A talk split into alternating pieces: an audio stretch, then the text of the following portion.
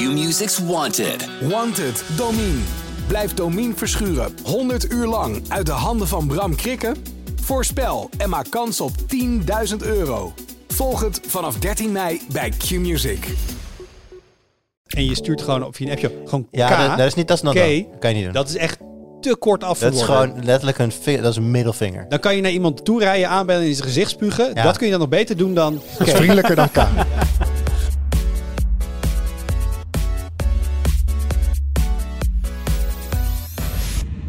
Hoi, leuk dat je luistert. Welkom bij het Weekers Podcast. Mijn naam is Wout en vandaag zit ik om tafel met Jurien Nubachs. Hey, hallo. Met Arnaud Wokke. Hoi. En met Erik van Ballengooien. Goedemiddag. Goedemiddag. We gaan het hebben, ja, Erik is er. Dus dan, eh, we hebben wel zo'n lijstje, want dan kun je afgaan in je hoofd. Dan heeft iets met televisies te maken, of Nee. misschien met VR. Hardlopen. Gezondheidssmartwatches. Ja, laten we dat maar doen. Oké, laten we dat maar doen. Eh gaan we zo meteen verder over praten. Eh, we beginnen even bij de post. We hadden een oproepje gedaan vorige keer. Want wij wilden nou wel eens weten hoe het zat. eh, wat over het onderwerp subtitles en films huren. En eh, dat dat altijd gekoppeld is aan de taal van je app. Maar hoe zit het nou als je in een tweetalig land woont? Nou, we hadden één reactie van Enigmatic uit Vlaanderen. En die zei, ja, dat probleem hebben we eigenlijk hier ook gewoon. Dat een deel van de content bij Amazon Prime enkel beschikbaar is in het Frans. Ja. Terwijl België toch groter is dan het Franstalige gebied.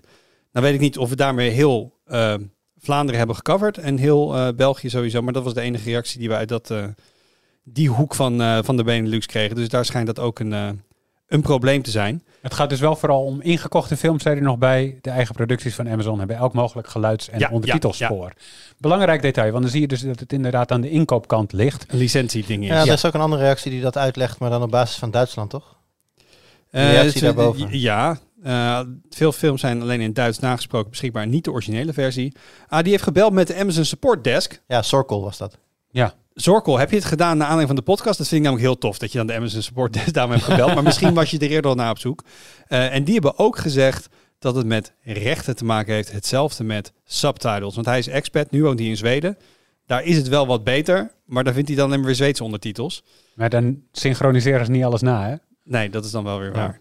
Nou, maar dat is een beetje waar we natuurlijk vorige keer ook al op zin speelden. Van het zal een rechte kwestie zijn. En dat is het ook inderdaad. Je betaalt kennelijk gewoon extra als je een En extra het subtitle door, track het is door de Ja. Amazon Support Desk via Zorkel bevestigd dat het, eh, dat het met rechten te maken heeft. Ja, jullie hadden het vorige week ook over eh, dvd's. Waarom we vroeger op dvd's dan wel meerdere versies, meerdere ondertitelingen had. En Nou, heb je vroeger iets met dvd's iets gedaan? met of dvd's niet? gedaan. Was En iets wat- met een website dvd.nl? Ja, dat was eh, van ons. En dus daarom, ik, ik weet er iets over. Namelijk dat een heleboel van die dvd-releases zijn niet alleen voor Nederland, maar wordt precies dezelfde persing van de dvd ook in andere landen gebruikt. Vandaar dat er dus de meerdere de PAL-versie.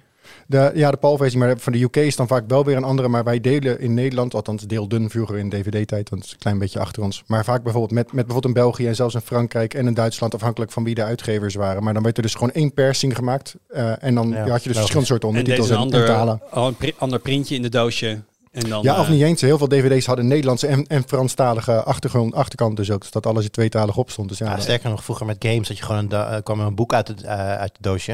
En daar stonden echt gewoon twaal, in twaalf of meer talen stond dan de handleiding erin. Dat was gewoon voor het hele Europese gebied eh dat is één heel vaak met handleidingen nu toch? Vandaag Ja, maar af, dus dat- heel af en toe bekijk ik er eentje. Maar dat was vroeger, terwijl het dak hier naar beneden komt, gelukkig gaan we bijna verhuizen. Maar dat was vroeger eh, normaal ook in, voor games en ik denk ook inderdaad voor films. Dat het gewoon één, één- druk voor een ja, heel het is gewoon continent. best duur, denk ik, om, dat, om, zo'n, Ja. eh, om, om allemaal losse persingen te maken. Dus dat uh, is ook gewoon een praktische insteek. Het werd geperst inderdaad. Maar door de reactie van Zorkel heb ik wel het idee van... Het, het is, ik vind het wel sneu voor de mensen die in Duitsland wonen... en het Duits niet helemaal machtig zijn. Dan zetten ze Pulp Fiction aan, een meesterwerk zoals we allemaal weten. En dan krijg je daarnaast een gesynchroniseerde versie. Dat is toch wel jammer. Deutsch Ah, reden Sie es. royaal met Käse. Een Royal Mooi. with cheese. Heel goed, inderdaad. heel goed. Ehm, we hebben het ook natuurlijk al gehad over de Tweakers app. Ik moet wel even zeggen, ik heb ook heel veel reacties en ben ook getagd door allemaal mensen. hey, Wout, je moet dit doen, je moet dat doen. Ik ga niet over de productontwikkeling op de website, hoe leuk ik dat ook zou vinden. Dus Ja. ik kan alle dingen doorspelen. Ik heb ook onze hoofdproduct op eh, gewezen op alle mooie suggesties die er waren. Ehm, maar dit is niet iets waar ik eh, het, eh, het uiteindelijk voor het zeggen heb. Eh, maar Brands die zegt, ehm, ik snap eigenlijk niet waarom iemand behoefte heeft aan een app met dezelfde functionaliteit als de site. Want ik word een beetje moe van alle apps die tegenwoordig aangeboden worden, die vaak niet meer zijn dan de poort naar de website. Hadden we het net voor de opname ook even over, dat het ook een beetje een soort, zitten een beetje over de, de, de piek van de curve heen. Dat je, Ja. iedereen had een app op een gegeven moment en was niet echt duidelijk wat de meerwaarde was. Maar er moest een app zijn. Ja. En dat veel meer sites daar weer van afstappen. Want een app onderhouden is gewoon best wel serieus Maar werk. ik, ik voel ook heel erg wat Brands dan zegt, van, eh, dat het niet meer is dan een port naar een website. Ik heb inderdaad van die apps Bijvoorbeeld eentje van een voetbalclub.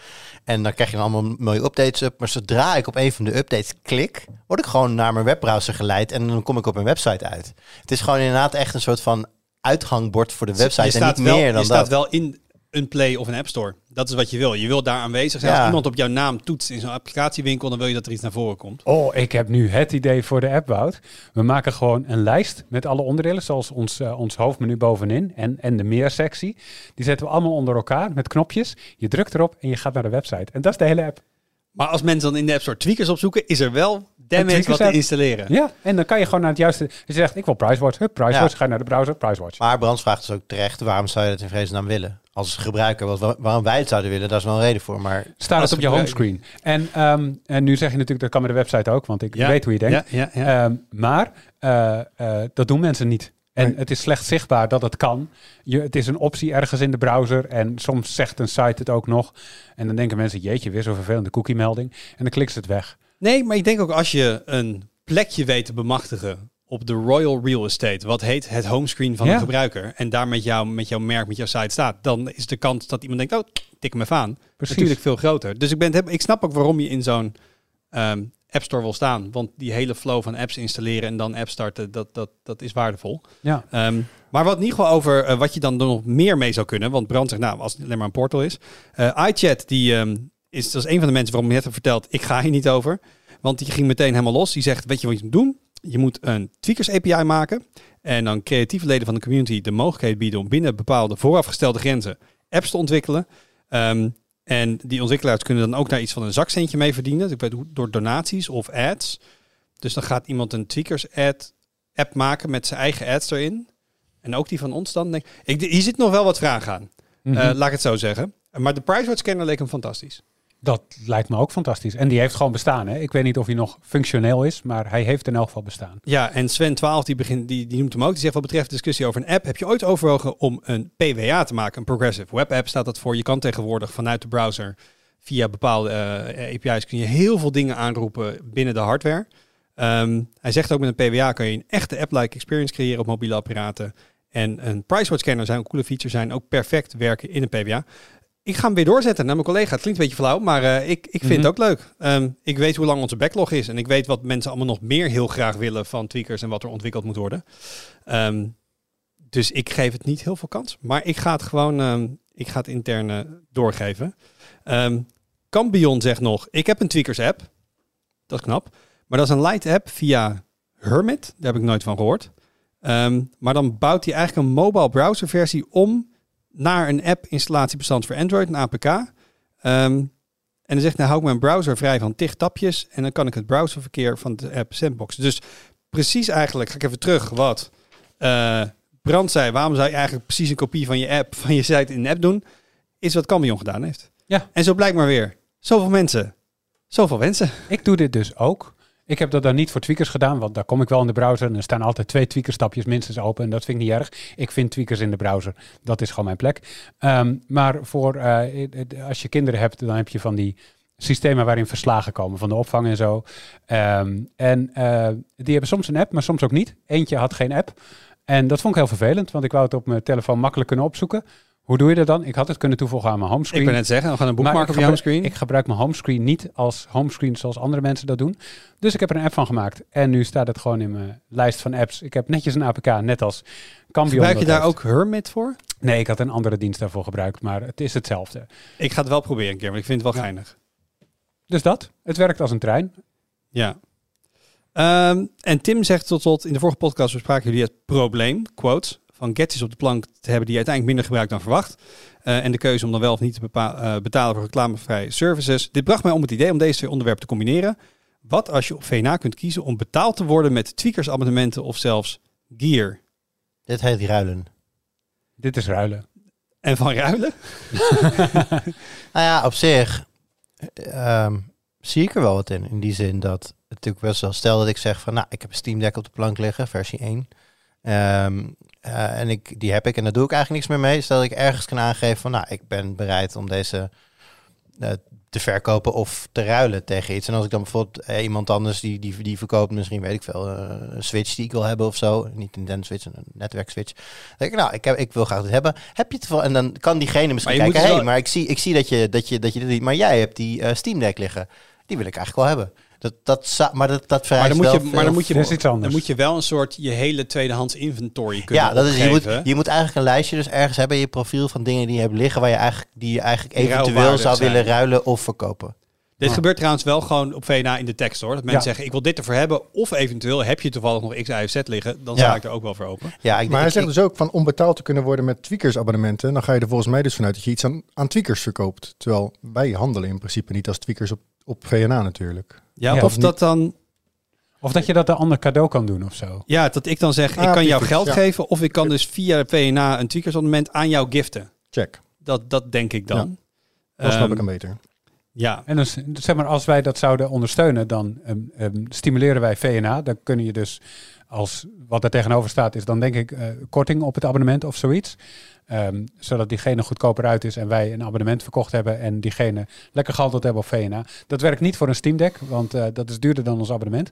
Zelfs dan een elite Beetje. abonnement. beetje. Maar ehm, Lang voor abonnement. goedkopere dingen kan wel, natuurlijk. Nou, ik zeg door naar productwoud hiermee. ja, nou. ik ga deze ook eh, doorzetten. Dus eh, Onze hele roadmap wordt gevuld in de podcast, wat leuk. die was niet leeg. Nou, Eh, hij wordt aangevuld. Oh ja. Eh, dat in ieder geval. Ehm, dus eh, de- we, hebben een nieuwe, we hebben een nieuwe sectie binnen de post. Gewoon productideeën die we ook meteen gaan doorzetten. Ehm, dat was de post. Highlights. Ja. Wij vroegen ook... Joh, jongens, we zijn een beetje door de wanneer heb je voor het laatst vraag heen. En jullie hebben geluisterd. nou ja, goedemorgen. Arnoud heeft het font enigszins moeten verkleinen zodat het op twee blaadjes past. Ehm, het- een stuk of tachtig goede vragen. En Ja, dan heb ik we nog gefilterd ook. echt gigantisch. Ja. Eh, dus dit, dit, hier zitten we de komende paar jaren wel zoek mee. Ehm, en we beginnen gewoon even met een, ehm, met een hele simpele. Wanneer heb je je huidige actieve account aangemaakt op Tweakers? Je Nou, kijkt nou. mij aan, augustus 2008. Augustus 2008. Dat is Vijf- 15 jaar en een 15 jaar beetje geleden. geleden. Ja. Jur? Eh, januari 2008. Oké. Dus ik weer nipt van Arnoud. Hoe? Erik? December 2004. Dus dat is langer Je was er op tijd bij. Nice. Dat is Binnenkort 20 jaar over een jaar. spionnen van HWI liepen natuurlijk Hij al was ook niet eh, onder mijn eigen volledige naam. Dat is volgens mij Erik 010, wat ik eerst heette op het. Er was ook, nicknames werden ook heel anders bedacht tegen die in die Precies. tijd. Ja. Eh, maart 2000. ja. Het gaat om het account, toch? Niet om, want ik heb in 2014 heb ik nog een, ehm, een nickname wissel gedaan, maar wel op hetzelfde je, je, account. je account, het eh, account, je accountregistratie. Nee, ik was, een- ik was een 15-jarig broekie. En ik Mhm. ging mijn eerste PC bouwen. Dus ja, dan ga je naar Tweakers. Ja. Dus makes Echt, het gewoon met computer totaal. ik was heel digitaal. Ehm, nee, dus ik, ik, was laatst, ik was een paar jaar geleden al het punt bereikt dat ik meer dan de helft van mijn leven een Tweakers-account... had. Vond ik- Het was een soort gekke mijlpaal. Ik denk dat best wel bizar. Dat, dat had je dan al vrij snel bereikt, want je was 15, zei je. Dus op je 30 had je dat bereikt. Ja, dat is alweer eventjes geleden. Dat is- Dus ik zit echt veruit het grootste deel van mijn leven heb ik een actief Tweakers-account. Het is niet dat ik je boomer zal noemen, want in de reacties kwam terecht naar voren dat je geen babyboomer bent. Nee, maar boomer als in als, als geldwoord kun je ook gewoon heel breed inzetten. Hoef je niet per se voor echt die generatie te doen. Boomer is, ik gebruik het altijd als er een duidelijk, zeg maar, je hebt een, je hebt een, iets, een verschijnsel, kan van alles zijn, en je hebt een persoon die dat dan niet snapt. En als het meer aan de persoon dan aan het verschijnsel ligt, dan is het boomer. Ja, nou, dat vind ik een mooie uit. Dat is mijn, dat is mijn definitie van van Boomer is gewoon Ik noem mezelf ook heel regelmatig boomer. Dus ik niks kijken en ik van ja, iedereen loopt hiermee weg. Het is fantastisch waarschijnlijk, maar ik begrijp het echt niet. het is geëvolueerd van een hele specifieke tijdsperiode naar gewoon inderdaad mensen die Ja. het niet snappen, omdat ze misschien niet erg voor dat specifieke ding misschien te oud zijn. Maar da- daar loop ik in ieder geval regelmatig tegenaan. Oh, maar jij bent ook echt een boomer. Echt een boomer. Zoals begin deze week, eh, ik ga niet noemen wie, maar ik had een videotekst geschreven en daarin had ik als, eh, als, als afkorting OK geschreven, OK. Dat spreken we uit als. Operatiekamer. Operatiekamer. Oh.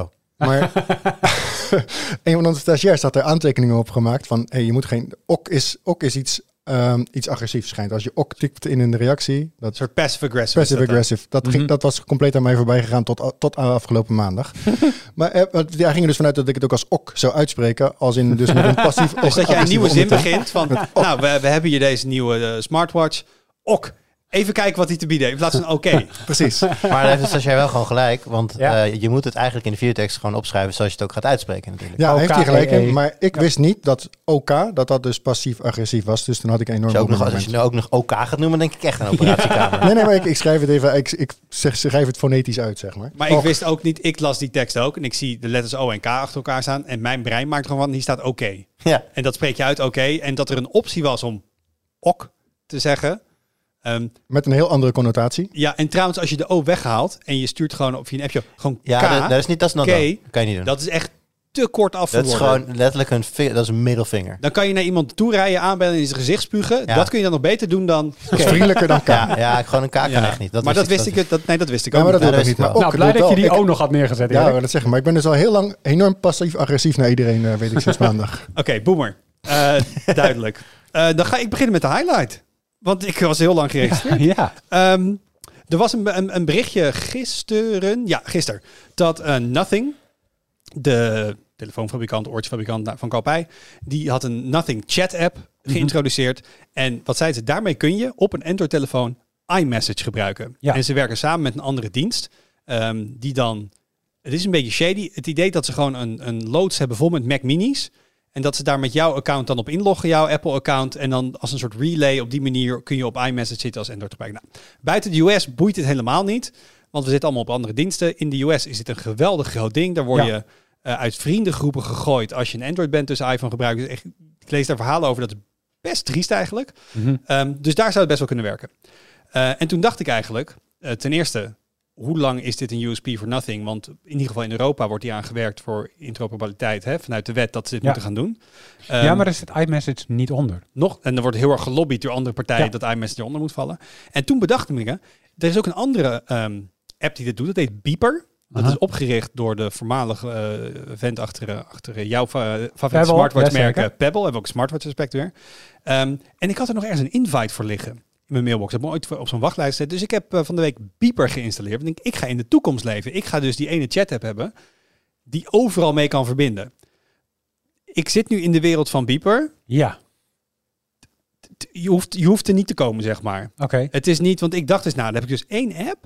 En dan heb ik dus gebundeld al mijn contacten, al mijn, mijn chats daar. Nou, de onboarding is prima. Dus je installeert om een of andere reden ook een desktop app. Daar doe je de, de koppel in en dan je smartphone app. Dus dan ga je gewoon al je accounts koppelen. En wat ik wel leuk vond, dat eigenlijk volgens mij veel apps al aan het voorsorteren zijn. Of onbewust hebben gedaan op die, die wetgeving. Mhm. Want ik moest bijvoorbeeld mijn WhatsApp-account eraan gaan koppelen. En ik, ja, hebben ze dan een soort gehackte manier dat ik mijn wachtwoord moet ingeven?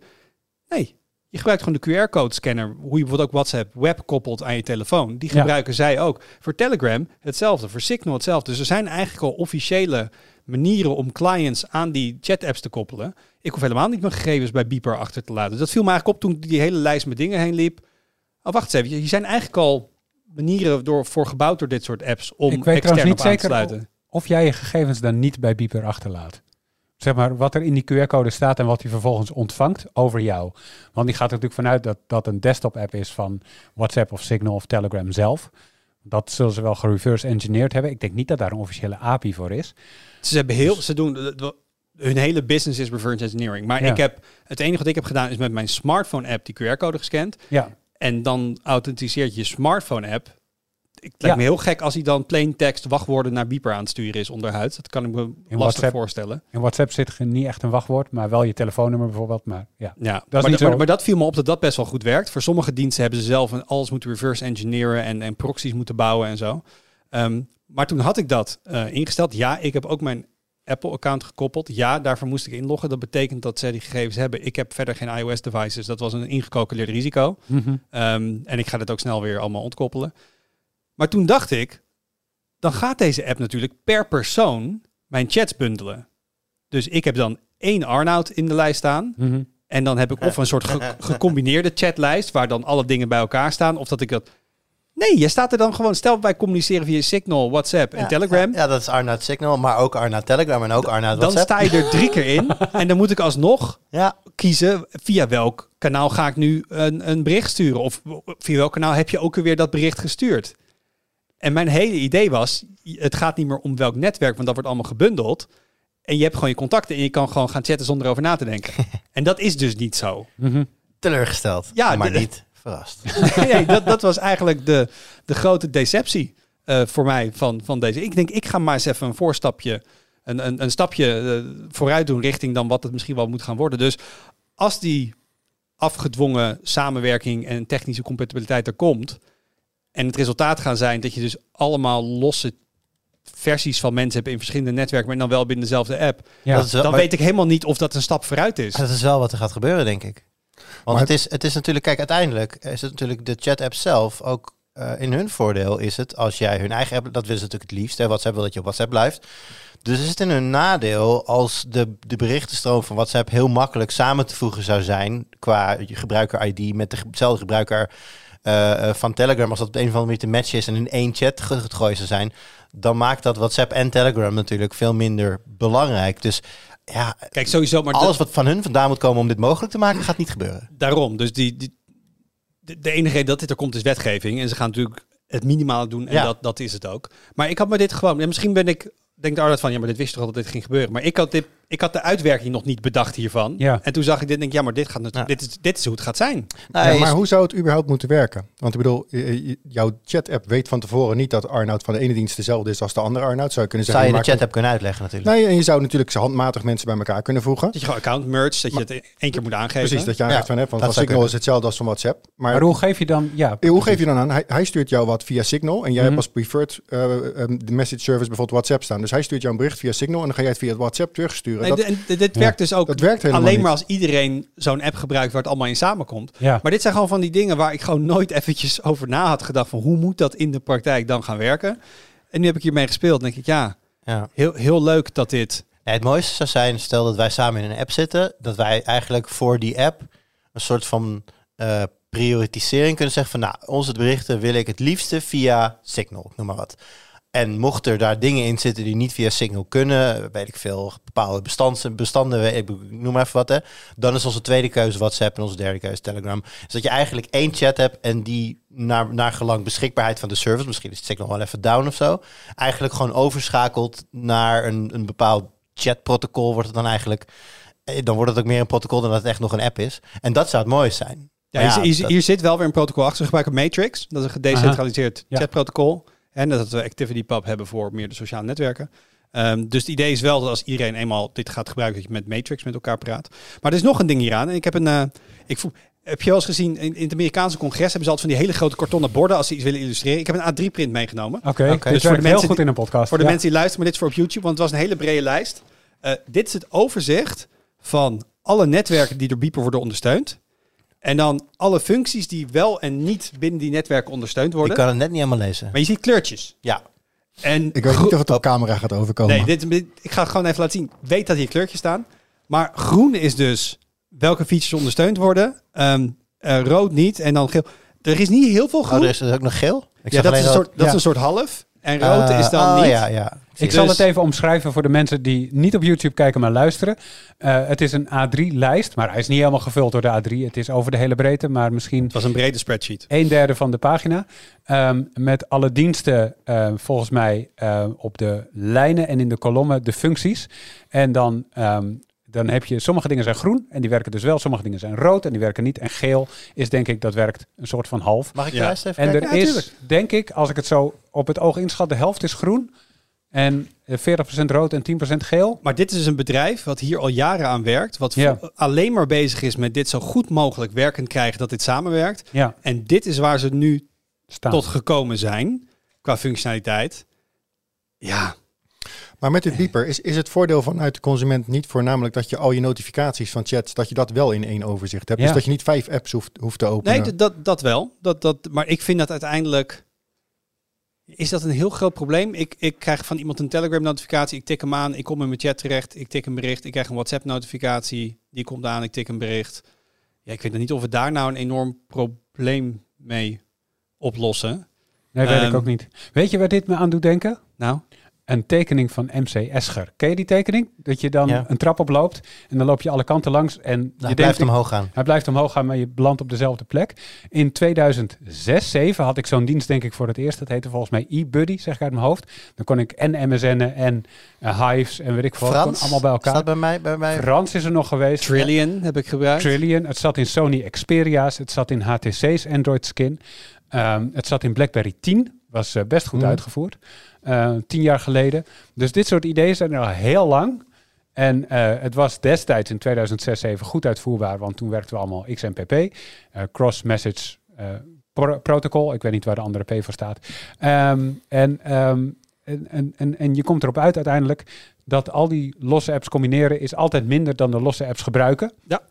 En dat is precies het probleem. Want je hebt allemaal kleine functies die dan niet werken of anders Ja. werken. En dat wil je niet. Dus ja, uiteindelijk lever je altijd Als in. je, als je doet wat je deed, dan krijg je wat je kreeg. We proberen dit al inderdaad decennia inmiddels. Het is Ja. nog niet gelukt om het te bundelen op een manier dat al die normale, al die apps overbodig zijn. Dus En het wordt steeds moeilijker. hou je omdat die- adem niet in, Omdat zeggen. die protocollen steeds meer proprietary worden. Met allemaal. Vroeger was het gewoon een chat-app. Jij stuurt wat, ik stuur wat. Allebei blij. Maar er zitten. Ja, WhatsApp-polls. Ja, Ja. Dat wordt dus niet ondersteund. Dus dan moet je toch weer. de- en al die, die, ja, die unieke features die die app eh, nu inbouwen. Ja, Ehm, dus het gaat er ook, denk ik, naar vandaag weer van de telefoon af. Eh, ik dacht eventjes. eh, ik, ik kwam opeens me op. Ik heb die invite nog ergens tegen. Ik ga dit gewoon proberen. En ik, ja. ook nu met het oog naar de, de Europese wetgeving. Ja, eh, ik vind. Een, eh, een soort van de enthousiasme is een beetje gedempt. Ik had een, een niet goed doordacht beeld erbij dat mij dit heel veel ging brengen. En nu heb ik zoiets. En misschien zie ik iets over het hoofd. En luistert iemand nu en denkt: Wout, je mist het. Maar is het, Stuur niet, het wel is het idee van de Europese Unie niet ook vooral dat je bijvoorbeeld stel dat je WhatsApp gebruikt, dat je daarop ook Telegram berichten moet kunnen ontvangen? Ja. Dat is toch het idee? Ja, ja, ja. Dus niet dat je alles gaat mergen naar een nieuwe app, maar je kan zeggen van nou, ik gebruik Maar dan zou WhatsApp, waar, waar ik nu Beeper voor gebruik, zou dan. Ja, oké, maar ik heb bijvoorbeeld wel, eh, ik weet niet hoe het bij jullie is, maar ik heb, bij mij is er echt een tele- Telegram eh, Exodus geweest. Dus ik heb nog maar voor een paar kleine groepjes heb ik Telegram, de rest eigenlijk niet meer. Zou ik wel op een gegeven moment, dat vind ik wel chill, dat ik wel kan zeggen van nou weet je, nu kan ik Telegram eindelijk eraf gooien, want die paar berichten die ik nog, nog krijg, komen dan gewoon lekker op mijn WhatsApp binnen. En ja, dat zullen misschien niet met alle features zijn, maar ik zie in ieder geval wat ik moet zien. En dat, dat vind ik nog steeds wel de meerwaarde. Als ze maar wel de Telegram stickers ondersteunen. Dat is ongeveer de enige reden om Telegram nog te gebruiken. Nee, maar dus, dus dat zie ik wel. Als je gewoon inderdaad van denkt van, nou, dit is mijn primaire app, WhatsApp vind ik, of nou, in dit geval een WhatsApp. En dan krijg je daar gewoon de berichten binnen. Dat, dat vind ik iets anders dan proberen alles. Want het is een hele lange lijst. Hè. Het staat niet alleen die, die we noemen, maar bijvoorbeeld ook Slack staat hierop, Discord staat hierop. Ja, die zitten allebei over onder de, de labs functionaliteit. Want dat hoor je ook van gebruikers. Dat is dan in beta.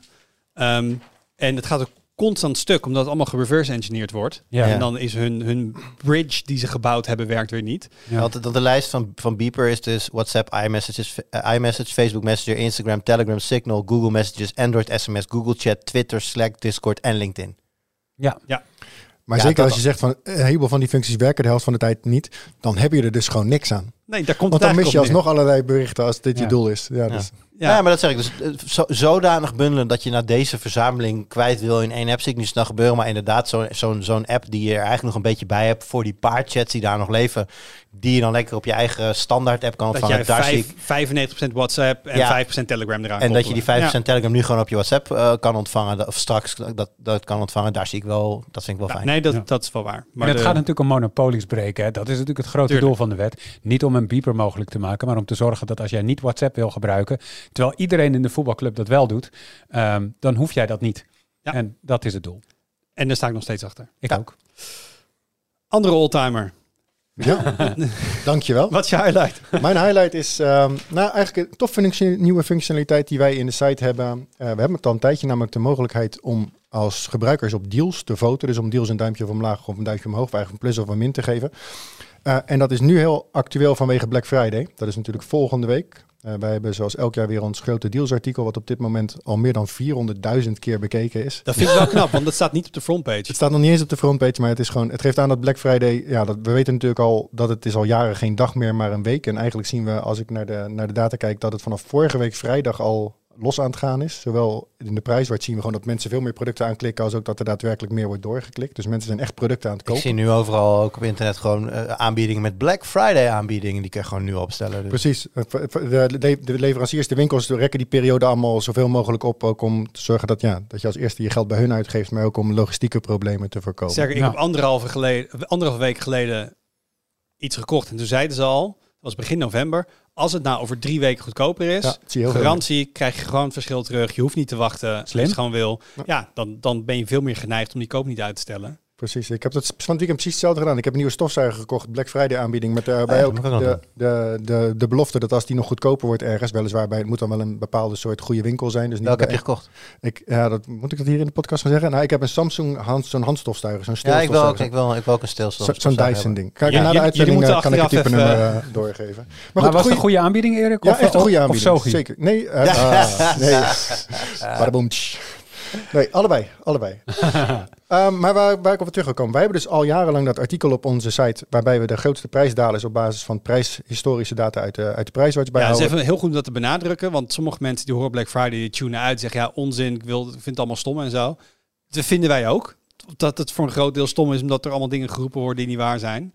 Ehm, maar wat wij proberen te doen is juist... En dat Kaf van het koren schrijven. heb je ook die grafiekjes in de Pricewatch. Ik zeg ook altijd tegen mensen, ga dat grafiekje bekijken. En dan zie je precies het afgelopen jaar wat hij gekost heeft. Hoe vaak hij omhoog is gegaan, hoe vaak hij naar beneden is gegaan.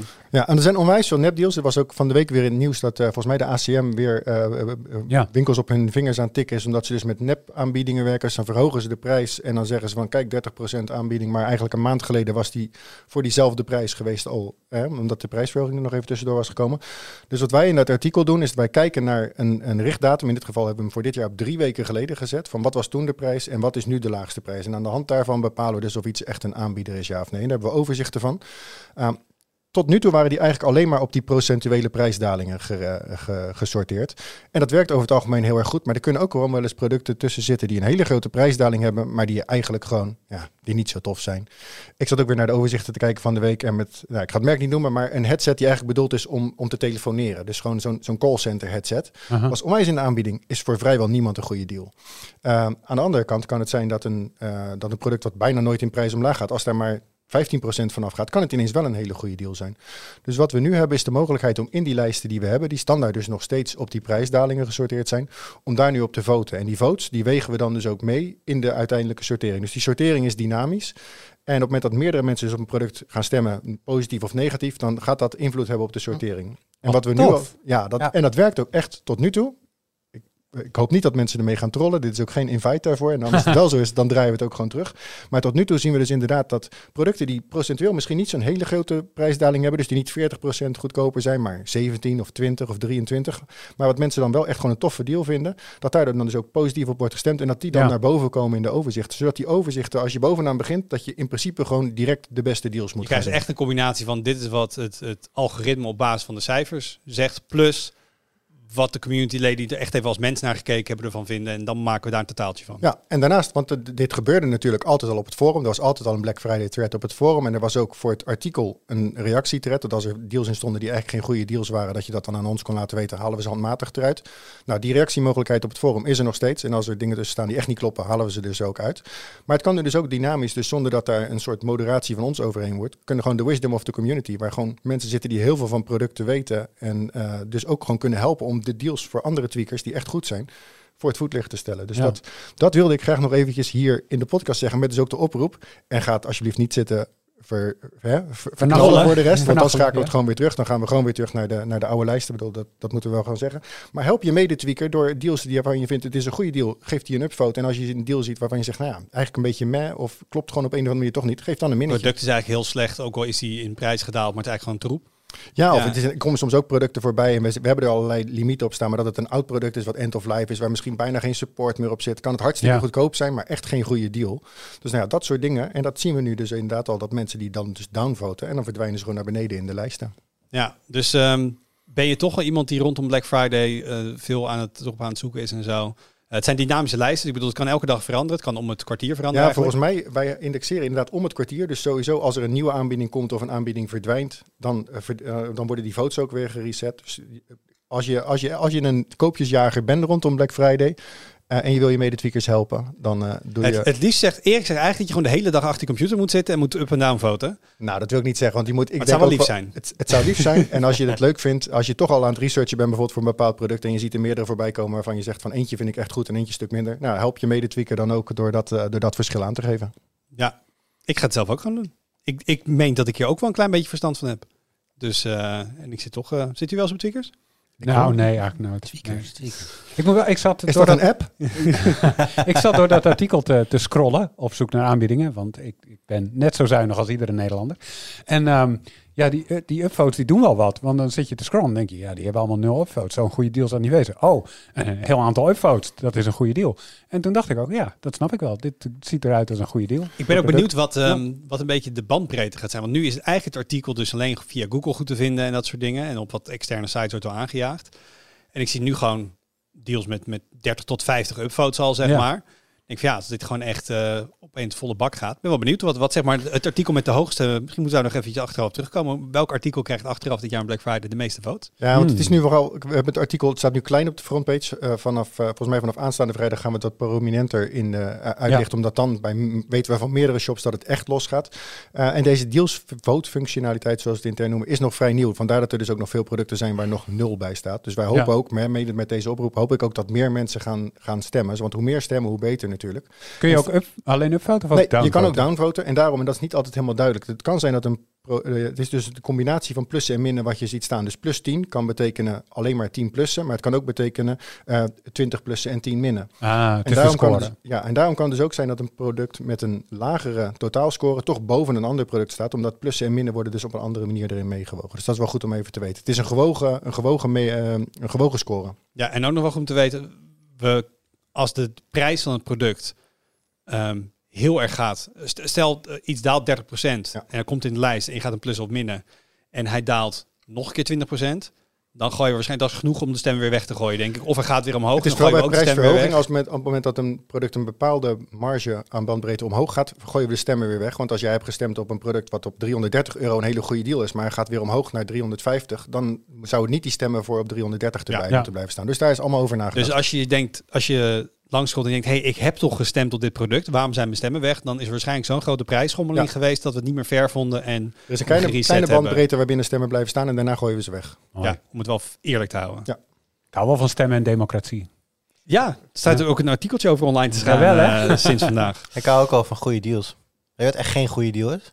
Nou, Een handheld kopen en dan binnen anderhalf jaar eh, ge- geconfronteerd worden met een betere versie van diezelfde handheld. Je die? het Maar is wel wel... voor veel duurder dan toch hier?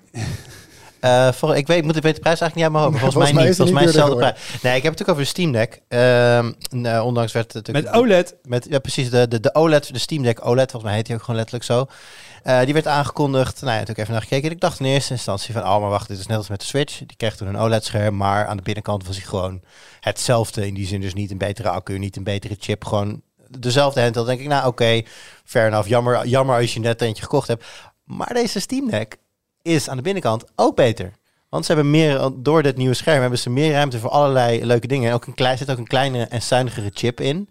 Ja, en ik, ik hoor een, ik hoor een, ik hoor een pingetje. ik dus helemaal... dat is mijn smartwatch. Kan Oh, die, ja, die, ja, die, wil, die, wil, die wil aan de beurt Die komen. wil, die wil door naar het hoofdonderwerp. Ja, Ja, heel verwacht nog. Nee, maar dus hij, dus hij is zuiniger, er zit een net iets grotere heatsink in, waardoor die beter koelt. De accu is net iets groter, waardoor die wat langer meegaat.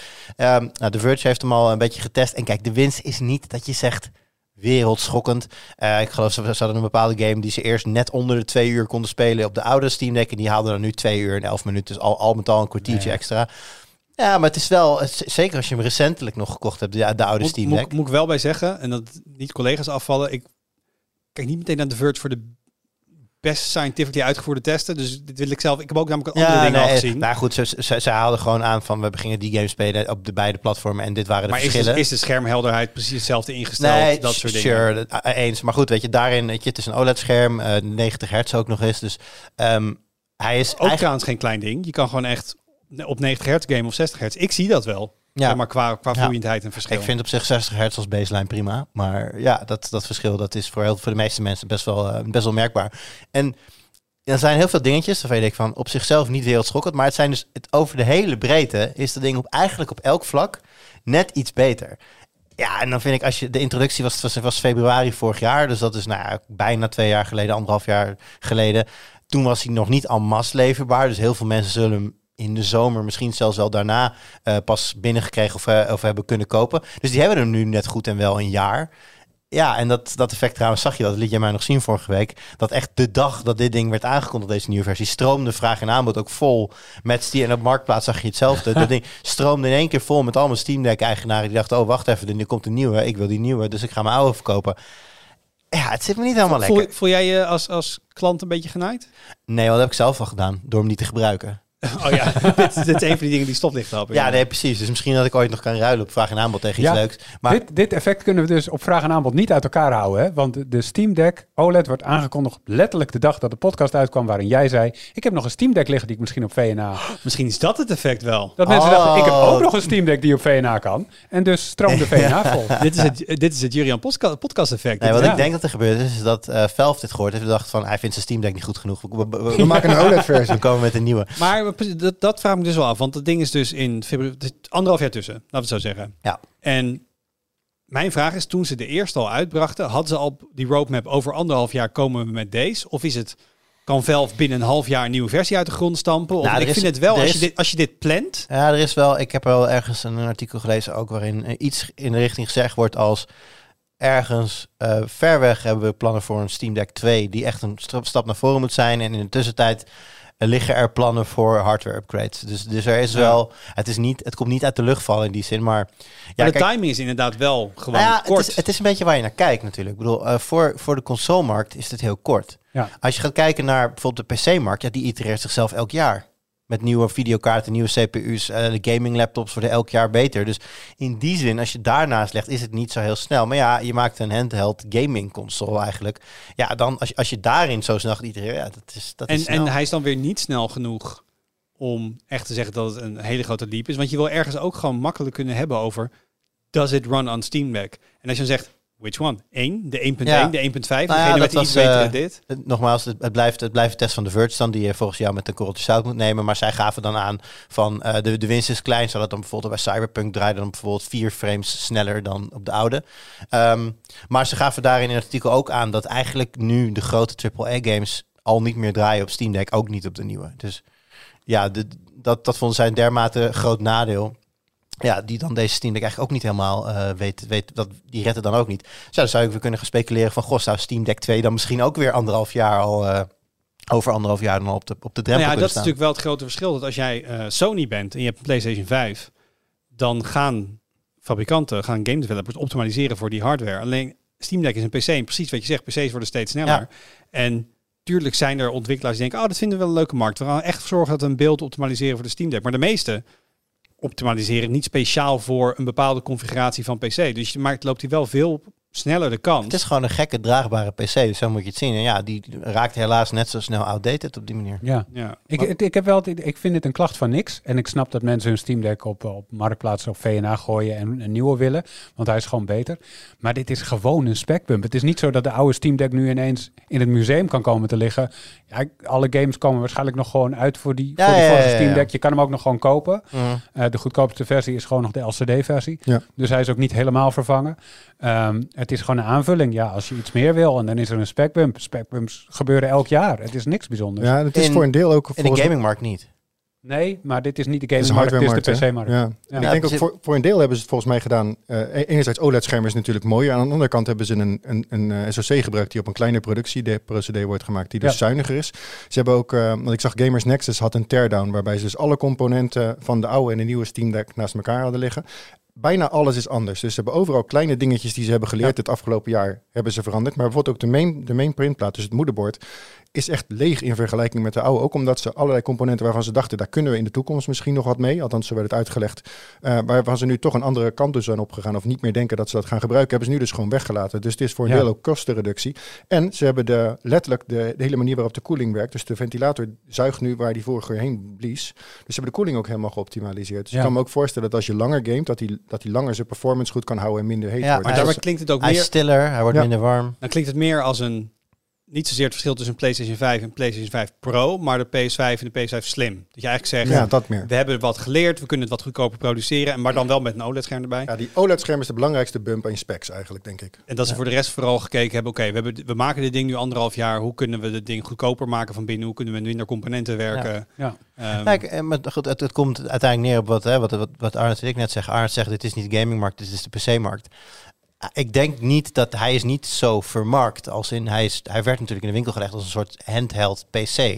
Ik denk dat mensen, veel mensen hem daarom ook gewoon als he- het, het voelt meer als een handheld dan als een PC. Dus, dus in die zin, ik snap het. het wat wat Arnold zegt klopt. Dit, hij, hij maakt onderdeel uit van de PC-markt. Daarom zeggen wij hier nu ook, ja, dit is eigenlijk niet zo raar voor de PC-markt. Maar toch denk ik dat veel mensen hem gewoon wel gekocht hebben. Aanvoelend als een, als een, har- als een, als een handheld gameconsole. Ja, en daarvoor komt zo'n specbrum dan weer wel heel snel. maar ik denk namelijk, Plus- wel Oh, sorry, jij juist. wat- als hier geen OLED-scherm in gezeten had, dan denk ik een hele andere discussie. Want dan is van, Ja. oké, een iets zuinige chip, maar het is nog dezelfde. Ze hebben de componenten wat geoptimaliseerd, hij koelt wat beter. Dan voelt het als zo'n slim versie van een grote console. Maar ik denk vooral dat het mooie scherm erin zit. Ja. En mensen denken, nou, Daarom staat VNA vol. nou, dan voelt Ja. het als die 2019-editie van de Switch. Waar Ja. gewoon echt letterlijk alleen de chip was. En de, de net iets zuinigere, en ik geloof 10% zuiniger. En net even iets betere prestaties, maar niet heel Mhm. veel. Dat, en dan is hij zoiets van, dan haal je je schouders op, denk ik van, Ja. nou ja, ja, ja, maar dan. Maar dit is inderdaad, en met over de hele linie verbeteringen. En dan, eh, wat ik wat ik zei, dus ook, zuig, ook zuiniger en ook eh, minder warm en Ja. eh, stiller. En inderdaad OLED als, eh, als uitsmijter, ja, dat is wel veel. Maar ik denk wat je niet moet vergeten is, je vergelijkt het nu met de, de gamingmarkt. En dat snap ik, daar hebben we generaties van 6, 7 jaar. Want het is een redelijk volwassen markt. Ehm, Nou, maar- Game Boy deed dat wel sneller hoor. Af en toe. Precies, dat is ook mijn punt. Dit is een nieuw product. En ze wisten toen ze het in ontwikkeling hadden niet precies welke kant het op zou gaan. Zou het alleen een gaming ding zijn? Zouden mensen bijvoorbeeld ook eh, het als een soort van browsing eh, ding gaan gebruiken? Ja, volgens mij heeft Jelle nog- Echt wel een PC ding. Jelle heeft nog gekeken naar, volgens mij, als je erop zou willen werken, hoe dat dan... eh, Precies. je kan er gewoon een scherm aan hangen. Het is gewoon een volwaardige PC inderdaad. Behalve dan dat hier Linux op draait. En daarom heeft Jelle uiteindelijk die, eh, die ROG, eh, Ally eh, gekocht. die Ally gekocht. gekocht. Want daar kun je gewoon Windows op draaien. En dan heb je echt een mobiele PC bij je. Maar ja, dat is, dat is wel echt, zeg maar, dat wisten ze nog niet. Daarom ook die extra componenten die allemaal op de, op de printplaat zaten. En, en nu weten ze veel beter wat de focus is. Dus dan kan je dat ook stroomlijnen, maar dat doe je niet na drie, vier jaar. Dat Nee. doe je sneller. En daarom zien we dit na anderhalf jaar. En inderdaad, over anderhalf jaar zien we weer een nieuwe versie. Ah, de oude blijven gewoon speelbaar en eh, En waarde. uiteindelijk maakt niks uit, want hier speelt het toch nooit op. Nee, nee, waarschijnlijk niet. En als je nu in de markt bent voor een Steam Deck en het OLED kan niet veel schelen. Heb je voor net iets meer dan 300 euro kan je nu eh ben je spekkoper. Ja, Ja. er staan zoveel aanbiedingen op dat je ook de rust denk ik wel even iets onder, iets onder kan gaan zitten. Want ja, Komt er toch niet vanaf. Het is de omgekeerde huizenmarkt. Ehm Arnoud, Ja, ik, ehm, ik eh, ga weer eens enthousiast doen over Europese regelgeving. Mag dat? heb ik het net ook al een leuk. beetje over gehad. Ik was minder enthousiast, maar... Ik, ja, weet ik. Ehm, sideloading. Apple is in voorbereiding. Zo hoorden wij eh, afgelopen weekend van eh, Mark Gurman van Bloomberg. Dat is ehm, eh, misschien wel de bekendste ehm, auteur die informatie binnen Apple naar boven haalt. Hij is een Apple wereld. insider. Ja. Ja, en hij zit, er, hij zit gewoon bijna altijd goed. En Apple werkt nu eindelijk voor eh, aan eh, de implementatie van de wetgeving dat je ehm, ook andere downloadwinkels eh, op iPhones moet kunnen gaan gebruiken. En dat dwingt Europese wetgeving af, dus het zal waarschijnlijk alleen in Europa zijn. Ik ben heel erg benieuwd hoe dit op de Apple manier gaat zijn. Want ehm, het doel van de wetgeving is, dan heb je de App Store, die bestaat gewoon, dat mag gewoon. En vervolgens heb je dus ehm, alternatieve downloadwinkels die dezelfde eh, rechten hebben als de App Store zelf. Hè, dus eh, het moet heel makkelijk zijn. Ze moeten apps kunnen updaten, dat soort dingen. Denk ik dat het er allemaal in moet zitten. Maar Apple zal gaatjes in de wet proberen te vinden. En precies volgens de letter dat uitvoeren. Eigenlijk iets eronder, want dit hebben we gezien in Nederland met de dating apps. Toen moesten ze een alternatieve betaalmethode aanbieden. En toen kwamen ze met een lab tekst in een venster. Zo van, je gaat nu een alternatieve betaalmethode gebruiken. Kijk uit, scammers, die kunnen je ook verleiden om te gaan betalen op deze manier. Vind je dit wel veilig? Ja, heel groot of heel klein. En dan nee, Eh, betaal via Apple heel groot. Wel dat soort dingen. Het was, het was echt heel kinderachtig. Ehm, en ik ben bang dat ze dit dus ook weer heel kinderachtig gaan aanpakken. Maar ik heb nog geen idee hoe ze de mazen in de wet gaan vinden. Maar ik ben hier gewoon enthousiast over dat deze wetgeving komt. En dat Apple dan wordt gedwongen om eh, een van de kernwaarden van zijn beleid. Hè, want de, de App Store is al zo oud. Die, die, die, we krijgen misschien wel, als er, genoeg wordt gestemd in ons nieuwe pand, als we gaan verhuizen, een, een, een tekening van de eerste iPhone. Zo, zo oud is het al. Het is een soort van, eh, van, van, van antiek eh, project al. Ehm, en dat ze dan nu na 15 jaar dat beleid moeten gaan aanpassen vanwege regelgeving. En dat het dan hopelijk beter wordt, ook al weten we niet zeker of het beter wordt. Ja, dat vind ik gewoon leuk om mee te maken. Maar wat denk je zelf? Hoe moeilijk gaat Apple dit maken? Ik denk zo moeilijk mogelijk, eh, want dat is Apple. Maar ehm, ik weet niet precies op welke manieren en, en dus welke gaatjes ze precies kunnen vinden. Ehm, maar het zal wel snel moeten gebeuren, want eh, volgens mij gaat de wetgeving in in maart volgend jaar. Ehm, dus dan zullen ze klaar moeten zijn. Gurman zei ook, het is in de eerste helft van volgend jaar gebeurt dit. Dus dat is nog in de huidige iOS-versie. Dus we zullen daar ook wel dingen in code eh, zien opduiken de komende maanden. Dus ik ben heel benieuwd naar de precieze implementatie. Maar ik vind dit super spannend. Ja, en ik kan me voorstellen dat als je dus in de Verenigde Staten woont, dan zie je dit dus gebeuren in. Europa en denk je, dit wil ik ook. Maar waarschijnlijk gaat het daar nooit komen, want daar, Apple gaat dit waarschijnlijk alleen doen als ze in dat land door de wetgever gedwongen Dat lijkt me worden. ook. Het zou wel kunnen dat ze de Amerikaanse wetgevers dan kijken en denken: hmm, dit is wel een goed idee. Dit doen wij ook. Want er is daar best wel veel steun aan beide kanten van het politieke spectrum voor het reguleren van grote techbedrijven. Ook Apple is daar al geregeld voor de, voor de, voor de eh, senaatscommissies eh, en zo eh, gedaagd om tekst en uitleg te geven over hun monopolieposities. Dus ehm, ja, het zou best wel kunnen dat hier ze kijken in elk geval wel mee van hoe gaat Apple dit oplossen en moeten wij daar ook iets mee? En dat geldt voor andere landen en continenten waar ze regels maken uiteraard ook. Iedereen kijkt naar de EU. Iedereen kijkt nu even naar Europa, ja. Nou, dat is toch mooi. Voortrekkersrol. Erik, jij eh, had net al wat biepend aan je pols. Ja. Eh, om de zoveel tijd eh, kom je er even gezellig bij zitten en dan hebben we een soort eh, State of the Smartwatch Union. Meestal eind van het jaar. Ik, Ja, we, hebben- we hebben net weer Apple Watches gehad. Jij zit hier met een Pixel Watch. Ik weet dat er wat nieuwe Garmin's uit zijn gekomen. Ik zag ook wat geruchten voorbij komen dat er een nieuwe One Plus, Plus, Watch, volgens mij met Wear OS. Huawei Ja. heeft weer nieuwe apparaten. Huawei Ja. heeft nieuwe apparaten. Huawei. Huawei. Hoe, hoe, don't get me started. Ehm, dus ehm, we zijn een jaar verder. Z- zijn we ook een jaar verder? Ja, ik, ik, we, we zeiden van hè, we gaan het, de trends op smartwatch gebied eh, doornemen en die zijn er wel. Maar het, zijn, het is niet zo heel erg anders als het verhaal van vorig jaar. Ik had mijn aantekeningen van de, van de podcast van vorig jaar nog even erbij gepakt. En het is eh, dingen waar we op hoopten, zoals eh, eh, non-invasieve bloedglucosemeting, wat, waar, waar Apple al heel erg lang over gaat, is er nog steeds niet bijvoorbeeld. Ehm, wat, wat we wel gewoon in, al, in, algemene, in algemene zin zien, en wat ook steeds verder wordt doorgezet, is dat steeds minder fabrikanten geloven dat een eh, smartwatch een smartphone aan je pols moet zijn. Ehm, en dat het steeds meer eigenlijk op gezondheid en op sport wordt geënt. Je ziet dat die, die draai bij Apple ook echt heel sterk. Niet zozeer alleen het laatste jaar, maar wel de laatste twee, drie jaar. Dat ze die sportfuncties heel erg uitbreiden. Dat ze nu ook bij de nieuwste generatie Apple Watches het bijvoorbeeld mogelijk maken om eh, vermogenssensoren op je fiets aan een Apple Watch te koppelen. Nou, dan heb je het echt- echt wel over dat ze het echt een serieus sporthorloge willen maken. Ja. Dus dat soort dingen komen erbij. Eh, en dat zie je bij, eigenlijk bij alle merken. Sport, sport en gezondheid, dus het monitoren van je, van je rusthartslag, van eh, dingen als eh, je huidtemperatuur, zien we bij steeds meer apparaten terug. Dat is dan met name voor, voor vrouwen handig, omdat je daarmee afhankelijk, eh, omdat je daarmee kan afleiden waar je in je, in je cyclus zit, je maandelijkse cyclus.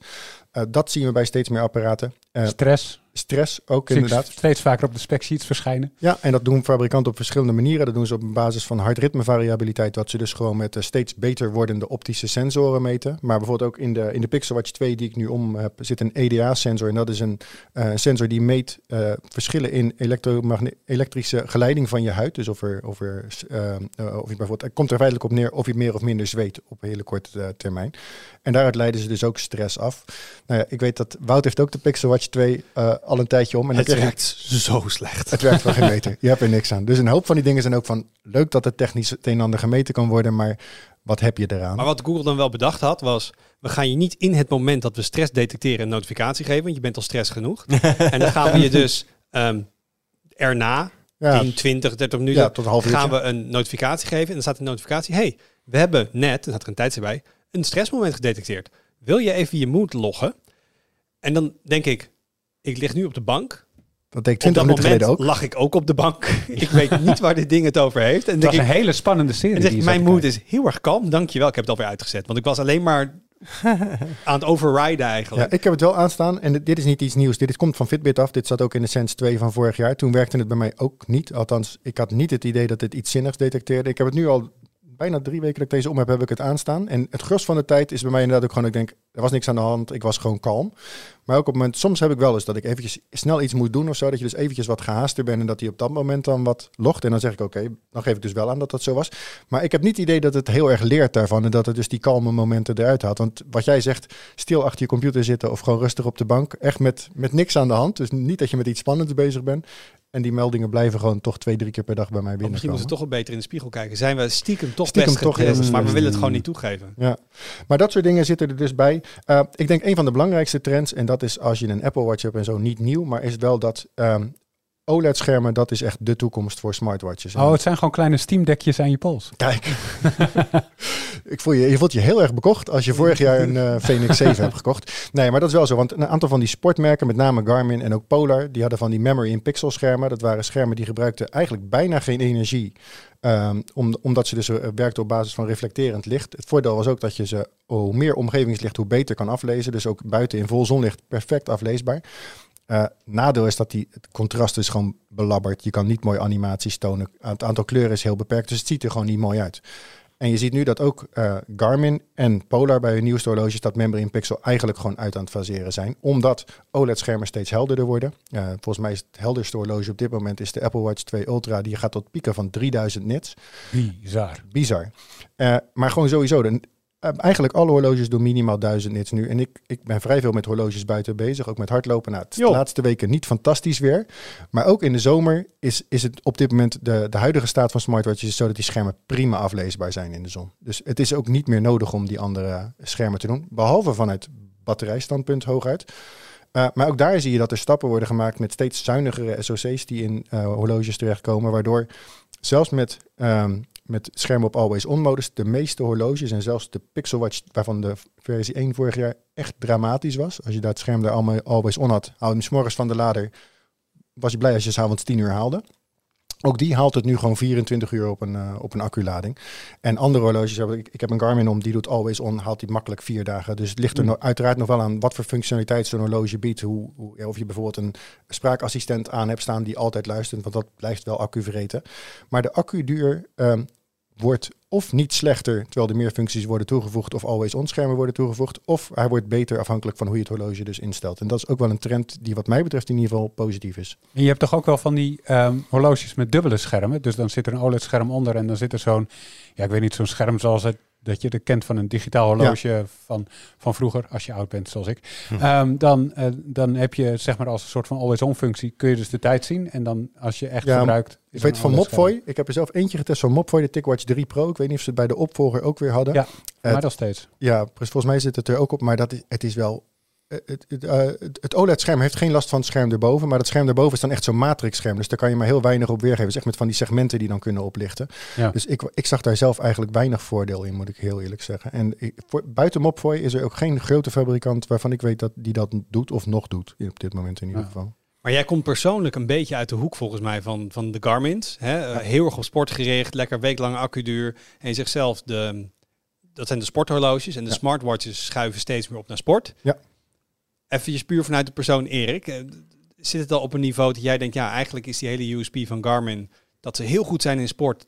Is, is dat een beetje aan het weg hebben versus een Apple Watch en een Pixel Watch en dat soort dingen? Ja, nou, Pixel Watch niet zozeer. Want ik bedoel, ik denk het, uh, het, Fitbit-ecosysteem waar Google gebruik van maakt, is, is hartstikke goed voor general health. En ook gewoon om wat sport te loggen. Maar ik denk als je echt je, je sport, uh, je, dingen als je VO2 max wil bijhouden en je, en je training readiness, dat soort dingen. Dus echt meer uh, algeheel ja, naar een doel wil toewerken, daar, daar is de Fitbit software gewoon niet zo fantastisch voor. Uh, Apple doet dat inmiddels wel steeds beter. En op de Apple Watch kun je ook een heleboel third-party apps integreren of installeren. Uh, waardoor je in ieder geval met een combinatie van een paar apps met de Apple Watch echt een heel eind komt. En eigenlijk nauwelijks meer onderdoet voor, uh, voor wat bijvoorbeeld Garmin kan. Ik vind, ik vind Garmin voor sport zelf nog altijd het beste. Polar ook heel erg goed. Dat is een beetje lood om het ijzer. Alleen ik denk dat allround de Garmin horloges wat, wat allrounder zijn dan die van, van Polar. Op sportgebied bedoel je dan? Ja, maar juist ook voor de functies die eromheen zitten. Want ik, wat, dat heb ik met Apple. Ik heb natuurlijk een Apple Watch. En Nou, in het begin, als je voor het eerst zo'n ding koopt, dan weet je eigenlijk helemaal niet precies wat je er nou mee gaat doen. Ik wist dat ik mijn telefoon ermee op kon zoeken als ik hem kwijt ben door een geluidje te laten maken. Dat was mijn killer feature, die wil ik hebben. Dat kunnen de, bij vrijwel alle ja, smartwatches precies, hebben. nou goed, nee, daar ga je al. Maar voor de rest, wat ik er sindsdien mee doe, is inderdaad, nou, ik heb dan de Nike Run app en de gewone workout app, die gebruik ik veruit het vaakst. En voor de rest is het vooral om de tijd. En ja, als ik gebeld word, begint hij te trillen. Dat is ook wel handig. Maar voor de rest heb, gebruik ik hem helemaal niet. De, de, de, de rest van de smartfiets gebruik ik. Dus ik heb inderdaad ook steeds meer van ja, het is vooral voor sport inderdaad. Het ligt er heel erg aan hoe je hem gebruikt. Want je, je hebt een heleboel smart functies. En ik denk dat Wouter een voorbeeld daarvan is. Bijvoorbeeld dingen als eh, smart home integratie. Ja, dat gaat echt het beste op een open platform. Zoals bijvoorbeeld Wear OS of een, of een, eh, of een, of een Apple, eh, Apple, Ja. het Apple systeem. Eh, voor Garmin is dat er bijvoorbeeld helemaal niet. Maar wat ik met mijn Garmin kan, wat bijvoorbeeld op een Polar minder goed gaat. Ik kan hier offline muziek opzetten. Dus ik kan Spotify playlists hierheen downloaden. En gewoon koptelefoon aan het horloge koppelen en zonder telefoon gaan hardlopen. Gaat prima. Ik kan met mijn bank in ieder geval betalen met het horloge. Ja. Notificaties komen binnen. Je kan niet zo mooi op reageren als, op, als wat je bijvoorbeeld met een, met, een, met een Pixel Watch kan. En als je ze op een Garmin wegswipt, zijn ze niet per definitie je telefoon weg, terwijl het bij de, bij de Pixel Watch wel zo is.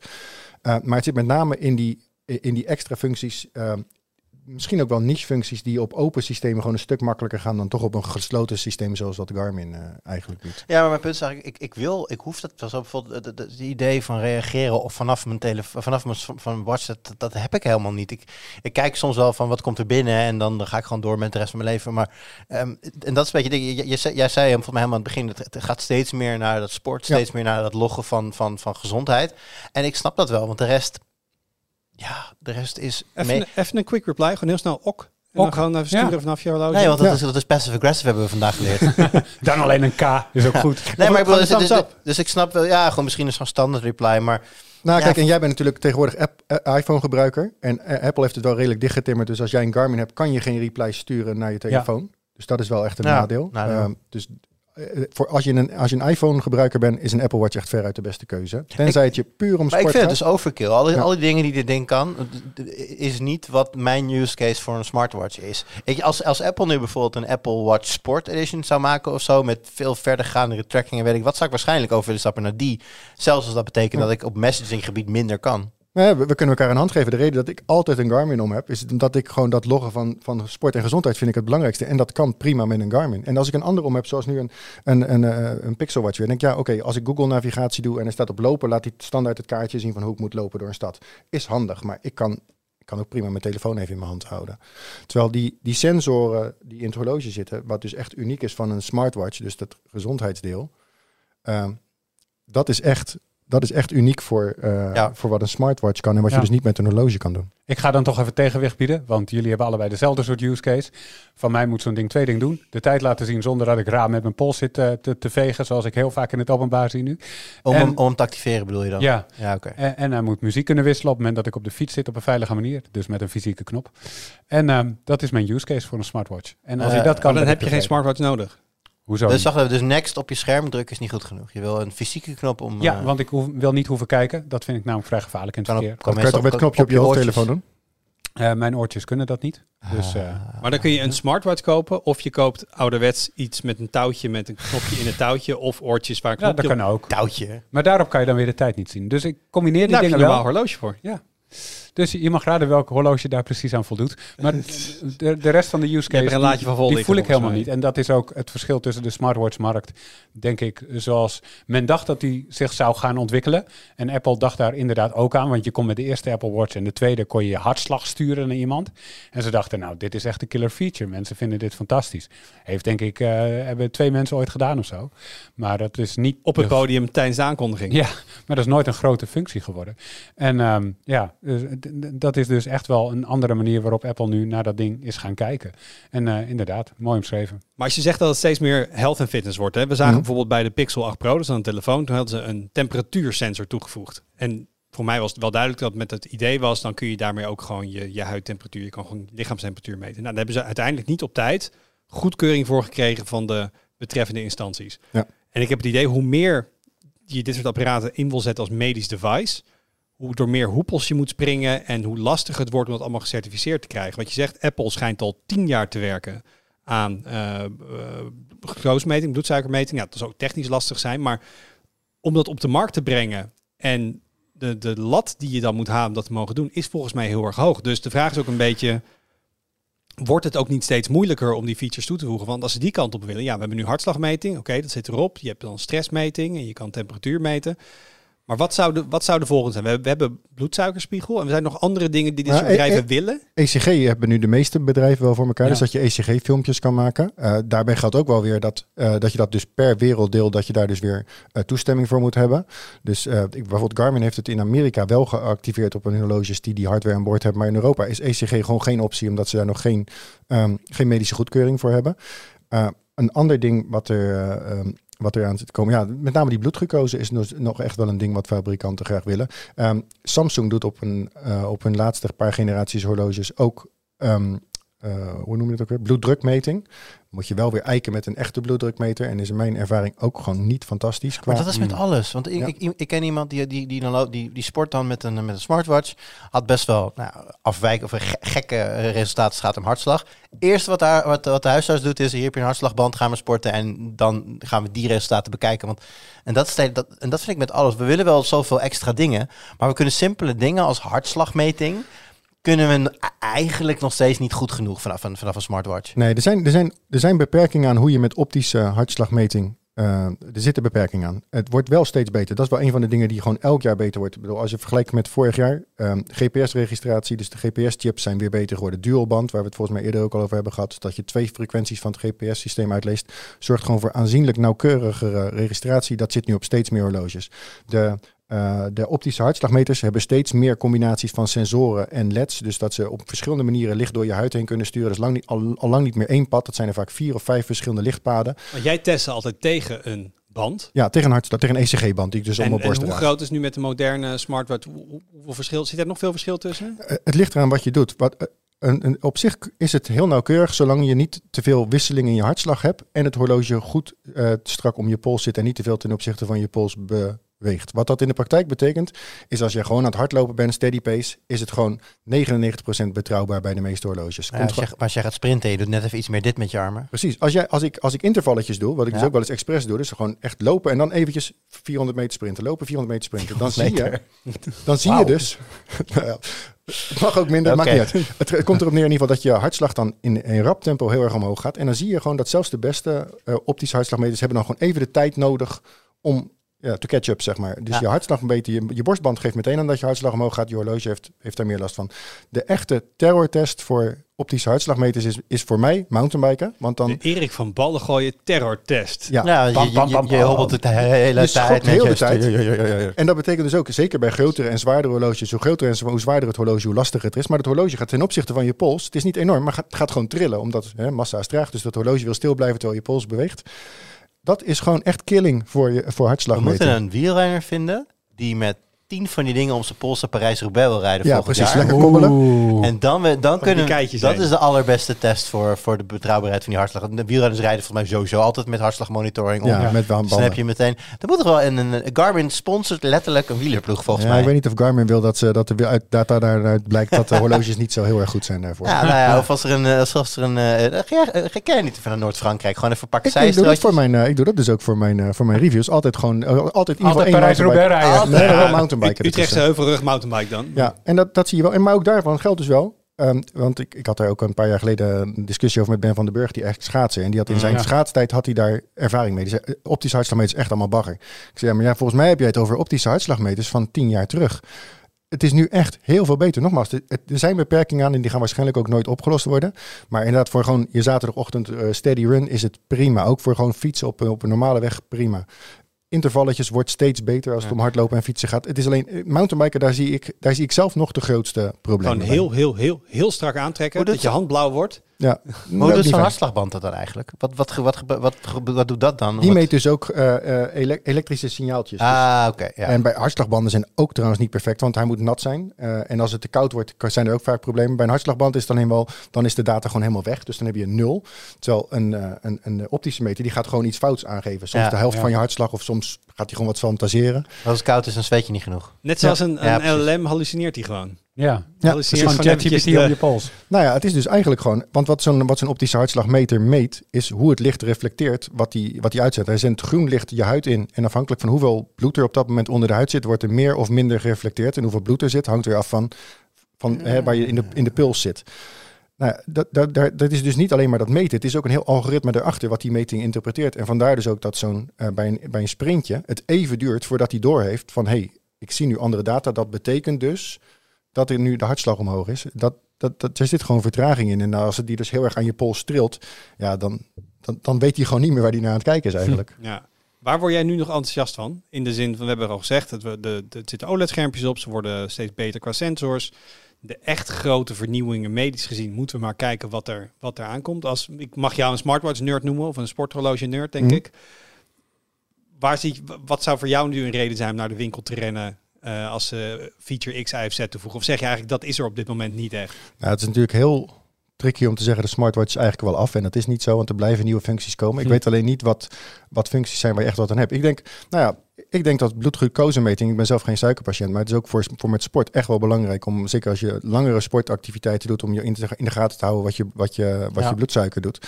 Als dat goed zou werken, als je weet als ik ben zes uur aan het fietsen, ik moet nu echt wat gaan eten Ja. omdat mijn Ja. horloge geeft aan van joh, je, gaat, je, je, je lijkt te gaan dippen. Ja, dat zijn wel echt toffe functies waar ik zelf wel echt geld voor over zou hebben. Ja. Als dat goed werkt. Het moet wel goed werken. Maar wat dacht je van een coach om je pols? Dus dan vul je ergens in de app in. Misschien is dit er al hoor, want jij kent de markt veel beter dan ik. Je vult in, ik wil de dam-tot-damloop doen. Ja. Over eh, drie maanden. Ja. Ehm, Garmin. Stel een trainingsschema op. Ja, dat, doen, En dat, hebben, dat? dat, hebben, Dat is er al. Ja, dat is al. Ja. Damn. En ook met de routes in jouw buurt, zeg maar. Dat die zegt van, nou, nu ga je naar die Nou, plek toe en dan terug. Of, Wat, wat verschillende fabrikanten wel hebben, waaronder in ieder geval Garmin, is dat je gewoon zegt: ik wil nu vijf kilometer lopen. Eh, neem deze startlocatie en verzin een rondje naar het noorden, naar het oosten, westen of zuiden. Oké. Eh, maar wat, wat sorry, wie doet dat? Ook. kan dat. Oké. Eh, en je kan dus ook inderdaad, je kan letterlijk zeggen: ik wil over vier maanden wil ik een 10k ren doen, dus 10 kilometer hardlopen. En dan bedenkt hij een trainingsschema voor je. En dan geeft hij dus elke dag in je app en ook op je horloge aan, zodra je hardlopen selecteert, zegt hij: zal ik dan deze training nu starten? Oké. Eh, loop een half uur in dit tempo met, met, wat, met wat blokjes erin. Hij zegt dan niet waar je heen moet. Dat moet je nog wel zelf bedenken. Jammer. Maar Ja. als ik dus volgend jaar Parijs-Roubaix wil rijden met 10 smartwatches om mijn pols, dan Ja. kan ik daar gewoon voor gaan Dan trainen. zijn, dan zijn er echt, ja, zeker. Dat, dat kan Fitbit, dat kan Samsung, dat kan, eh, dat kan Polar, Ja, dat kan, nice. kan Garmin. Er zijn meerdere merken die gewoon hele trainingsprogramma's aanbieden, inderdaad.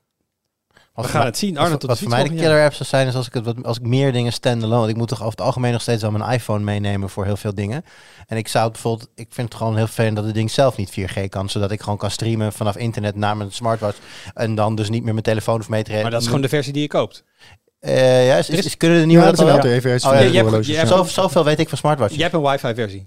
Ja. En je hebt LTE Oké, ik wil een LTE-versie gaan kopen. Moet je dan- een abonnementje hebben wat dat ondersteunt, maar en dan, moet je bij je provider vaak een paar euro extra per maand betalen. Dat je zeg maar, je data-abonnement ook daarop mag gebruiken. Nice, Ehm, nice. en dan, eh, dan kun je inderdaad voor heel veel... eh, nee, maar ik, ik heb dat ook. Vooral dat je tegenwoordig kan betalen ermee. Hoef je inderdaad eh, je portemonnee niet mee te hebben. Ik kan mijn auto ermee openmaken. Als je een slim slot hebt, kun je je huis ermee open. Je kon- Ja, en dat zijn dus van die dingen wat je nu noemt, die laatste twee dingen. Dat gaat dus niet met een Garmin. Daar heb je echt iets van een open systeem, zoals, eh, zoals Ja. in dit geval Wear OS voor nodig. Ja, nou, ja. Alright, nou, tot over volgend jaar. Ehm, laten we nog even kijken wat er in de sneak peek zit. Eh, ja, Arnoud, jij kan Ja. vast iets meer vertellen over het verhaal waar Heite mee bezig is over Odido. Ja, dit is, ehm, ik heb dit nog nergens gelezen, dus eh, dit wordt eh, een beetje... Scoop, scoop die woep. Scooptie woeptie. Ehm, Deze podcast komt wel uit voordat het online staat. Misschien moet je Dat nog een beetje wat om de... ik ga, zal ik om de hete brei heen draaien? Draai eens om de hete Oké. Eh, Odido, of Odido, eh, je mag het uitspreken zoals je wil, heeft een rechtszaak aangespannen Huawei, Huawei. tegen de staat eh, om de antennes van Huawei die uit het netwerk moesten. Ehm, en ehm, ja, daar is een hoop over te vertellen en dat doet Heite allemaal in een Ja, artikel. want eventjes, het, het, het, het feit is, de staat zich tegen voormalig T-Mobile. Ehm, Ja. Jullie Odido. moeten Huawei-apparatuur uit je netwerk halen. Ja. Daar hebben ze geen keuze in. Ja. En daar vindt Odido wat van. Daar vinden ze wat dat van. snap ik ook wel. Ja. Ja, oké. Dus Ja, dit is een soort van eh, eh, het, het, eh, gevolg van, van die politieke keuze van, ik denk drie jaar geleden inmiddels, waarbij, dat, waarbij dat verplicht werd. En ehm, ja, ik vond het een opvallend staartje en, en, en interessant om, om te belichten. Dus heel benieuwd naar. En misschien nog een andere eruit vissen. Jij hebt een leuk interview gehad. Ik heb een heel leuk interview gehad. Ehm, eh, dit gaat over NPO Start. Als je die app wel eens opent of je gebruikt de webversie, maakt niet uit, dan zie je iets nieuws sinds eh, korte tijd. Eh, het ziet er allemaal anders uit. Er is een andere player. Ehm, en eh, die kan wat nieuwe dingen. Hij kan ook wat oude dingen niet. Ehm, en daar hebben de ontwikkelaars van alles over te vertellen. Ehm, dus dat, wordt een, dat is een Ja, interview. misschien wil ik om te Ja. zeggen, dus de, de mensen eigenlijk die echt de- van de techniek, die het Ja. ontwikkeld hebben, die zijn waarschijnlijk tweakers fan of zo. Die Ja, ook ja, gezegd ja, van, Zeker, hey, dus fans, zeker. willen jullie Ja. daar wat meer over weten? Want wij vinden het super tof om daar wat meer een soort behind-the-scenes blik voor te geven. Ja, dus hoe zit de code in elkaar? Hoe- Wat is de architectuur die erachter zit? Hoe is het opgebouwd? Wat gebeurt er als je op Het is play toch, drukt? toch een streamingdienst van eigen bodem. Die ja, is het ook. Leuk. Ja. Ehm, eh, w- wat wel een ding is, zeg maar, eh, we weten bij tweakers wel een ding of twee van als je je interface verandert, hoe blij mensen daarmee zijn. Mhm. Dat is hier dus ook het geval. En eh, ik vond het ook interessant om te horen hoe zij dan nadenken over eh, de feedback die ze krijgen, die heel vaak vrij fel is, want wij maken tweakers voor tweakers. Ehm, maar zij maken NPO Start voor NPO'ers. bijna letterlijk Ja. iedereen in Nederland. Dus je hebt nog veel meer reacties van veel meer verschillende soorten mensen. En, ehm, en dat, dat is heel interessant. Dus eh, ja, dat zit er allemaal in. Leuk interview, komt eh, begin volgende week.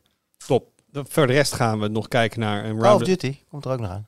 Uh, staat er niet erop? Ja, dat weet ik niet. Wie Dat weet ik niet, die er nee. niet opgezet is. Multiplayer. Nee, eh, we hebben natuurlijk singleplayer video gedaan eh, afgelopen week. En eh, ik ben ondertussen met de multiplayer verder. En eh, met, ook met zombies. Dus die komt, eh, Dit weekend volgens mij is het. die komt dit weekend. Ik heb nu, Erik plant dat soort dingen meestal gewoon even netjes in. Dus die, het wist als ik dat niet al zelf had gedaan. En dat had ik nog niet gedaan. Nee, de bedoeling is dit weekend. Ja, dit weekend eh, komt de rest. Er wordt geen nieuwe, er wordt geen nieuwe video nog. Dat, eh er komt waarschijnlijk nog wel een Call of Duty video dit jaar. Maar daar wachten we even mee tot eh, de nieuwe Warzone Warzones. content eh, Yes. komt. Dus als het eh, tegen die tijd een beetje uit kan in de planning, dan eh, doen we dan nog een... Allemaal eh, lekkere brokjes. Beetje singleplayer, doen een beetje multiplayer, een beetje Warzone. ja, ja, ja, dus dat eh, dit weekend meer Call of Duty. En als je nou wil weten op welke videokaart je dat moet spelen op je PC, eh, we zijn bezig met een roundup van 7800 XT's van AMD. Eh daar zijn we natuurlijk mee bezig. Dat komt er ook aan. Dank jullie wel. Dankjewel voor het luisteren en voor het kijken. Als je hebt gekeken, als je het niet hebt gedaan, kijk eens een keer. Is ook leuk. Heb je feedback, dan kun je altijd een mailtje sturen naar podcast.tweakers.net of een reactie achterlaten op YouTube of de site. Tot volgende week. Doei!